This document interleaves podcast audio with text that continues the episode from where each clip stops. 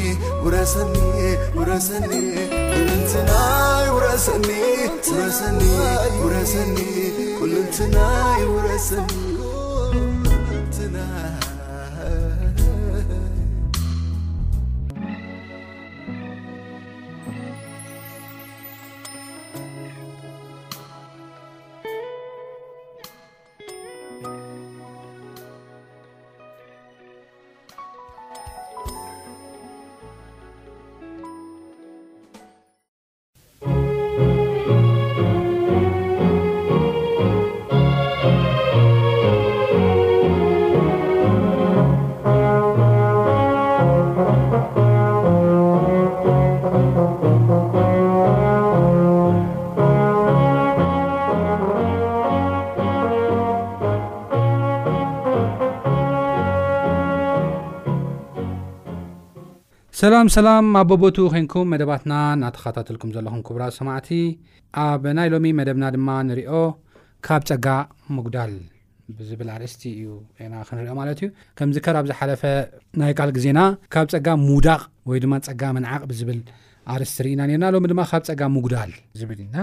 ካብ ፀጋ ምጉዳል ማለት እንታይ ማለት እዩ ከመይ ገይሩ ዩ ሓደ ሰብ ካብ ተፀጋ ክጎድሎ ዝኽእል ብዝብል ኣርእስቲ ክንርኢና ቅድሚ ኩሉ ግን እግዚኣብሔር ምእንቲ ከምህረናን ክመርሓናን ሕፅር ዝበለ ፀሎት ክንፅሊ ኢና ንፀሊ እግዚኣብሔር ኣምላኽና ስለዚ ግዜን ሰዓትን ነመስክነካ ኣለና ኦ ጎይታ ሕጂ ድማ ቃልካ ከፊትና ኣለና ሞ ምህረና ኣስተውዒልና ድማ ምንባር ንክሉ ፀጋ ኣብዝሓልና ብጎይታናን መድሓናን የሱስ ክርስቶስ ስም ኣሜን ካብ ፀጋ ምጉዳል ማለት እንታይ ማለት እዩ ናይ መጀመርያ ክሕተት ዘለዎ ነገር እዚ ካብ ፀጋ ምጉዳል ማለት እግዚኣብሄር ዝሃበና ፀጋ ንክፅድቐና ጥራሕ ኣይኮነን ተዋሂብና እቲ ካብ ኣምላኽ ዝፈለየና ሓጢኣት ሰይሩ ምስ ኣምላኽ ጥራሕ ኣይኮነን ኣተዓሪቕና ኣብ ቅድሚ ኣምላኽ እውን እቲ ናይ ክርስቶስ ፅድቂ ተኸዲና ለቢስና ደው ክንብል ጥራሕ ኣይኮነና ክኢልና ነገር ግን ሓጢኣት ኣብ ውሽጢ ዓፅምትና ኣብ ውሽጢ ስምዒታትና ኣብ ውሽጢ ሕልናና ተተኺሉ ሰሪፁ ዘሎ ሓጢኣት እውን ከም ሱር ናብ ውሽጢ ሰውነትና ኣትዩ ሱር ሰዲዱ መሰረት ንምንቃል ከቢድ ዝኾነ ነገር ክሳብ ክንዱ ዘሊቑ ኣትዩ እያ ሓጢኣት ኣብ ህይወትና ሕጂ ሓደ ሰብ ኣብዚ ምድሪ ከሎ ዋ ብፅድቂ ክነብር ኣነ ብዘይ ሓጢኣት ክነብር እየ ኢሉ ወላ እንተመንኮሰ ወላ ገዳም ኣትዩ ምስ ሰባ ይራኸብን እየ በይነይ ዝነብር ሓጢኣት ንኸይሰርሕ እኳ እንተበለ እቲ ኣብ ውሽጢ ደቂ ሰባት ሰሪፁ ኣትዩ ዘሎ ሓጢኣት እቲ ስምዒት ኣለኒ ዝብሎ እቲ ሰብ ንባዕሉ ብሓጢኣት ተቐመመን ተበከለን እዩ እቲ ሕልና ብሓጢኣት ተበከለን ተባላሸወን እዩ ስለዚ ገዳም በይኑ ተሰፈረ ምስ ሰብ ተነበረ ኣብ ደገ ወፃ ሃብቲሙ ተነበረ ድኻ ኮይኑ ኣብ ንእሽተ ዓዲ ተነበረ ሓጢኣት ካብ ዘይምግባር ክልክሉ ዮም ኩሉ ግዜ ኣብ ሓጢኣት እዩ ዝነብር ሰብ ከይቀትል ይኽእል ዩ በይኑ ስለ ዝነብር ዘሎ በይኑ ስለ ዝነብር ዘሎ ከይሕሱ ይኽእል እዩ ግን ምስ ሕሉኑ ምስ ሕሉኑ ዘባእስ ነገራት ብዙሕ ነገር ክገብር ይኽእል እዩ ስለዚ እዚ ፀጋ እዚ ካብ እግዚኣብሔር ዝተዋህበና ክርስቶስ የሱስ ዝተዋህበና ጸጋ ንሱ ድማ ክርስቶስ የሱስ ብቕዱስ መንፈሱ ነዚ ሓጢኣት ኣብ ሕልናናን ኣብ ስምዒትናን ኣብ ዓጻጽምትናን ኣብ ጅማውትናን ኣትዩ ዘሎ ኣብ መንፈስናን ኣትዩ ዘሎ ሓጢኣት ከም ሰይፊ ቃሉ ልኢኹ እቲ ሰይፊ ዝኾነ ቃሉ ልኢኹ ከም ሰይፊ እናቆረፀ እዩ ዝድርበልና ብካልእ ኣባህላ ኣብ ውሽጥና ሓጢኣት ናይ ምውጋድ ሓጢኣት ንክንፀልእ ናይ ምግባር ስራሕ ይሰርሕ ብካልእ ኣባህላ ናይ ቅድስና ስራሕ ይሰርሕ እዚ ዓይነት ጸጋ ተዋሂብና ከሉ ግን ማለት ዝሰርሕ ዓይነት ጸጋ ምስ ኣምላኽ ዘተዓረቐና እቲ ናትና ናይ መርገም ዝኾነ ጨርቂ ብሓጢኣት ዝተለወሰ ጨርቂ ናይ ጽድቅና ጨርቂ ኣወጊዱ ናይ ክርስቶስ ጽድቂ ኣልቢሱ ኣብ ቅድሚ ኣምላኽ ደው ዘበለና ጸጋ ከምኡ እውን እቲ ኣብ ውሽጥና ተተኺሉ ዘሎ ሓጢኣት ከም ሰይፊ ብቓሉ ልኢኹ እናቖረጸ፣ ሓጢኣት ካባና ኣወጊዱ ብጽድቂ ንኽንነብር፣ ሓጢኣት ንኽንጽየፍ፣ ብኻልእ ኣበሃህላ እቲ መልክዕ ኣምላኽን እቲ ምስሊ ኣምላኽን ኣባና ንኽሕደስ ዝሰርሕ ጸጋ ተዋሂብና ክነሱ፣ እዚ ጸጋ እዚ ከይተጠቕሙሉ ምስ ሓጢኣቶም ጸኒዖም ዝነብሩ፣ ሓጢኣት መሪጾም ዝነብሩ፣ ክፍኣት መሪጾም ዝነብሩ፣ ሓሶት መሪጾም ዝነብሩ ሰባት ግን ካብቲ ጸጋ ይጎድሉእዮም እዩ ካብ ጸጋ ምጉዳል ማለት እዚ እዩ ካብቲ ጸጋ ይጎድሉ እዮም ካብ ጸጋ ምጉዳል ማለት እዚ እዩ ብካልኣ ባህላ እቲ ተዋህበና ጸጋ ዘይምጥቃም ካብ ጸጋ ክትጉድል ይገብረካ እዩ ካብ ጸጋ ምጉዳል ማለት እዚ እዩ እቲ ቀዳማይ ጥቕስና እነንብቦ ኣብ እብራን ምዕራፍ 12 ፍቅዲ 15 ዘሎ እዩ ሓደ እኳ ካብ ፀጋ ኣምላኽ ከይጎድል እዩ ዝብል ኣብዚ ሓደ እኳ ካብ ፀጋ ኣምላኽ ከይጎድል ይብሎም ንእብራውያን ሰባት ንብዙሓት ዘርክስ ገለ መራራ ሱር ቦቒሉ ከየጨንቐኩም ተጠንቀቑ ይብለና እዚ ገለ መራራ ሱር ዝብሎ ዘሎ ሓጢኣት ቦቂሉ ከየጨንቐኩም ብካልእ ኣባህላ ተፍቅርዎ ሓጢኣት ኩሉ ግዜ ተላማሚድኩም ሞሲ ተፍቅርዎ ክትገድፎ ዘይትደልዩ ሓጢኣት ሲ ቦቂሉስ ከየጨንቐኩም ስ ተጠንቀቑ እዩ ዝብል ዘሎ መቸም ዘጨንቕ ኩሉ ግዜ ኣብ ጭንቀት ዘውደቐን ኣብ ሞ ዘውደቐን ሓጢኣት እዩ ስለዚ ገለ መራራ ሱር ቦቂሉ። ትፈትውዎ ሓጢኣት ምናልባት ሓጢኣት ዝፍቶ ኣይኮነን ኣትወል ግን ምዚ ሓጢኣተኛ ስጋ ስጋና ሓጢኣተኛ ሓጢኣት ዝለመደ እዩ ብሓጢኣት ተፀኒስና ዝተወለድና ኢና ስለዚ ነዚ ሓጢኣተኛ ስጋና ሓጢኣት ይምችዎ እዩ ይምችዎ ሓጢኣተኛ ስጋ ስለ ዝኾና ንእግዚኣብሄር ግን ሓጢኣት ኣይምችዎን እዩ እግዚኣብሄር ነቲ ኣብ ገነት ኤደን ዝፈጠሮ ኣዳም ግን ሓጢኣት ኣይምችዎን እዩ ይፀልኦ ይፍንፍኖ እዩ ኣለርጂክ እዩ ዝኾኖ ልክዕ ሓደ ሰብ ዘይሰማምዖ ምግቢ ክበልዕ ከሎ እንታይ እዩ ዝኾን ሰውነቱ ይሕኽኾ ኣለርጂ ይኸውን ቆርበቱ እንታይ ይኸውን ይሓብጥ ቁጥዐ ሰውነቱ ይቁጣዕ ልክዕ ከምኡ እዩ ዝኾነ ነይሩ ንኣዳም መጀመርያ ሓጢኣት ምስራሕ ንኣዳም ከምኡ ነይሩ ሎሚ ከዓ ብተፃራሪ ንዓና ብሓጢኣት ዝተዘፈቕና ሰባት ፀጋ ኣምላኽ ተደረድእና ብክርስቶስ የሱስ እንተደይድሒና ፅድቂ ምስራሕ ንዓና ልክዕ ከም ኣለርጂ እዩ ዝኾነና ማለት እዩ ግን ብጸጋ ዝደሓኑ ሰባት ካብ ጸጋ ከይጎድሉ ክጥንቀቁ ኣለዎም እዩ ዝብል ዘሎ ካብ ጸጋ ከይጎድሉ እንታይ ክገብርሎም ክጥንቀቁ ኣለዎም ዝኾነ ዓይነት ሓጢኣት ኣብ ፍቕሪ ኣውዲቕዎም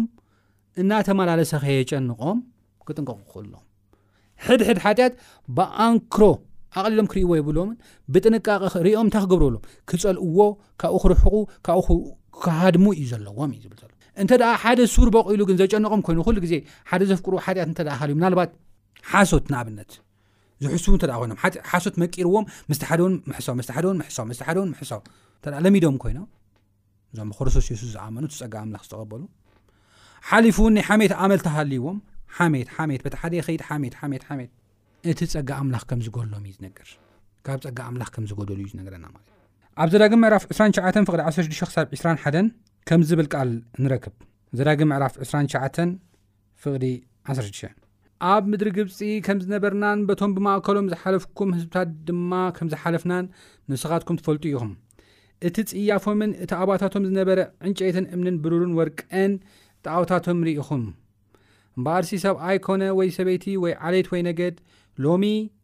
ልቡ ኻብ እግዚኣብሔር ኣምላኽና ዝመልስ እሞ ኸይዱ ንኣማልኽቲቶም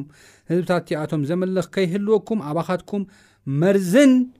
መሪር ዘብቁል ሱር ከኣ ከይርከበኩም ከይኸውን ድማ ቓላት ዝመርገም ዝሰሚዑስ ብልቡነታት ነፍሲ ከም ኢሉ ዝባረኻ ኣነስ በትሪ ልበይ እንተኸድኩ ንጽማተይ ድማ ስኽራን እንተወሰኽኩሉ ሰላም ይኾነለይ እግዚኣብሔር ይቕረ ኣይብለሉን ሽዑ ግና ኹራ እግዚኣብሔር ቅንኣቱን ደኣ ኣብ ልዕሊ እቲ ሰብኣይ እቲ ይተክኽ። እቲ ኣብዚ መጽሓፍ እዚ ተጻሒፉ ዘሎ ኩሉ መርገም ከኣ ኣብ ልዕሊኡ ይነብር፣ እግዚኣብሄር ከኣ ንስሙ ኻብ ትሕቲ ሰማይ ክድምሶ እዩ። እግዚኣብሄር ድማ ከምቲ ኣብ መጽሓፍ እዚ ሕጊ እዚ ተጻሒፉ ዘሎ ኩሉ መርገም፣ ኪዳን፣ ካብ ኩሎም ነገድ እስራኤል ከኣ ናብ ክፉእ ክፈልዮ እዩ ይብለና። ኣብዚ ሓሳብ እዚ እቲ ኣብ እብራውያን ምዕራፍ ዓሰርተ ክልተ ፍቕዲ ዓሰርተ ሓሙሽተ ቅድም ኢልና ዘንበብናዮ ሓሳብ ንዕኡ ሞር ዘብርህ ቃል እዩ። ኣብዚኤን ሓሳብ እዚኤን ክልተ ሓሳብ ክብደልታ ቀዳመይቲ እዚ ሱር እዚ ሕጂ ግብጻውያን ንእስራኤላውያን ንኣርባዕተ ሚእቲ ዓመት ገዚኦሞም እዮም ባሮት ገይሮም ገዚኦሞም እዮም ኣብዚ ኣርባዕተ ሚእቲ ዓመት ባሮት ኮይኖም ክግዝኡ ከለዉ እስራኤላውያን ናይ ግብጺ ጣዖታት ሪኦም እዮም ናይ ግብጺ ኣምልኹ ስርዓት ሪኦም እዮም ሓደሓዲኦም እውን ምስኦም ኣምለኽቲ ጣዖት ኮይኖም እዮም ምክንያቱ ኣብ ምድረ በዳ ጣዖት ግበረልና ሙሴ እቲ ዝመርሓና ዝነበረ ሙሴ ናበይ ከም ዝኸዳ ኣይንፈልጥና እሞ ጣዖት ግበረልና ኢሎም ንኣሮን ነጊሮም እዮም ኣብ ዘፃኣት መራፍ 32 ኬናም ንሪኢ ኣለዋን እሞ እዚ ዓይነት እዚ ርኢኹም ኔርኩም ኢኹም፣ ጣኦት ኣምለኾታቶም ርኢኹም ኔርኩም ኢኹም፣ ሕጂ ግና ወጺኹም ኢኹም፣ ነጻ ወጺኹም፣ ካብ ባርነት ወጺኹም ናብታ እግዚኣብሄር ቃል ዝኣተወሉ ንኣብርሃም ንይስቅ ንያዕቆብ ቃል ዝኣተወሎም መዓርን ጸባን እተፍስስ ከነኣን ክትወርሱ ኣብ ጉዕዞ ኢኹም ዘለኹም ስለዚ እንታይ ግበሩ ዝኾነ ሱር በቂሉ ከየጨነቀኩም ተጠንቀቁ እዩ ዝብሎም ዘሎ እዚ ሱሩ ዝዓይነቱ ብኻልእ ኣባህላ ዝኾነ ሓጢኣትሲ ኣብ ልብኹም ተተኺሉ ገና ክትገድፍዎ ዘይከኣለኩም ፍቕሪ ትሒዙኩም እቲ ሓጢኣትሲ ኣብ ልብኹም ሰሪጹ ዘሎ ሓጢኣት ከይህሉ ተጠንቀቑ እዩ ዝብል ዘሎ እዚ ሓጢኣት እዚ ቀዳማይ ዝብሎ ዘሎ እዚኣ ክሪኣ ዝደሊ ነጥቢ እንታይ እያ መሪር እዩ እዩ ዝብል ዘሎ መሪር እዩ ፕላስ መርዚ እዩ እዩ ዝብል ዘሎ እዚ ኩሉ ግዜ ሱር ዝበቁል ሓጢኣት ብፀጋ ኣምላኽ ድሒና ኢልናስ ካብ ባርነት ወፂና ኢልናስ ብክርስቶስ ኣሚና ኢልናስ ዝበቁል ሱር ናይ ዓለማዊ ዝበቁል ሱር መሪርን መርዝን እዩ መርዚ ኩሉ ግዜ ቀታሊ እዩ መሪር ከዓ ንነብሲ እንታይ እዩ ዝገብራ እዩ ዘጨንቃ እዩ ልክዕ ከምኡ እዩ እዩ ዝብል ዘሎ ተቀዳሚ እቲ ካልኣይ ከዓ እንታይ እዩ ዝብል ዘሎ ፍርዲ ኣሎ እዩ ፍርዲ ኣሎ እዩ ካብ ፀጋ ኣምላኽ ሓደ ሰብ ክጎድል ከሎ ፍርዲ ኣሎ እዩ ክፍረድ እዩ መርገም ኣምላኻዊ እዩ ዝኾን ቁጣዓ ኣምላኻዊ እዩ ዝተክኽ እዩ ዝብል ዘሎ ስለዚ ብካልእ ኣባህላ እዚ ቃል እዚ እንታይ እዩ ዝበሃል ካብ ፀጋ ምጉዳል እዩ እቲ ጸጋ ክጎለና እውን እዩ ማለት እዩ ስለዚ ካብ ጸጋ ምጉዳል ክኸውን ከሎ ጥፍኣት እውን ከም ዘሎ እዩ ዝነግረና እሞ ካብዚ ክንጥንቀቅ ከም ዘለና እዩ ዝነግረና ማለት እዩ እግዚኣብሄር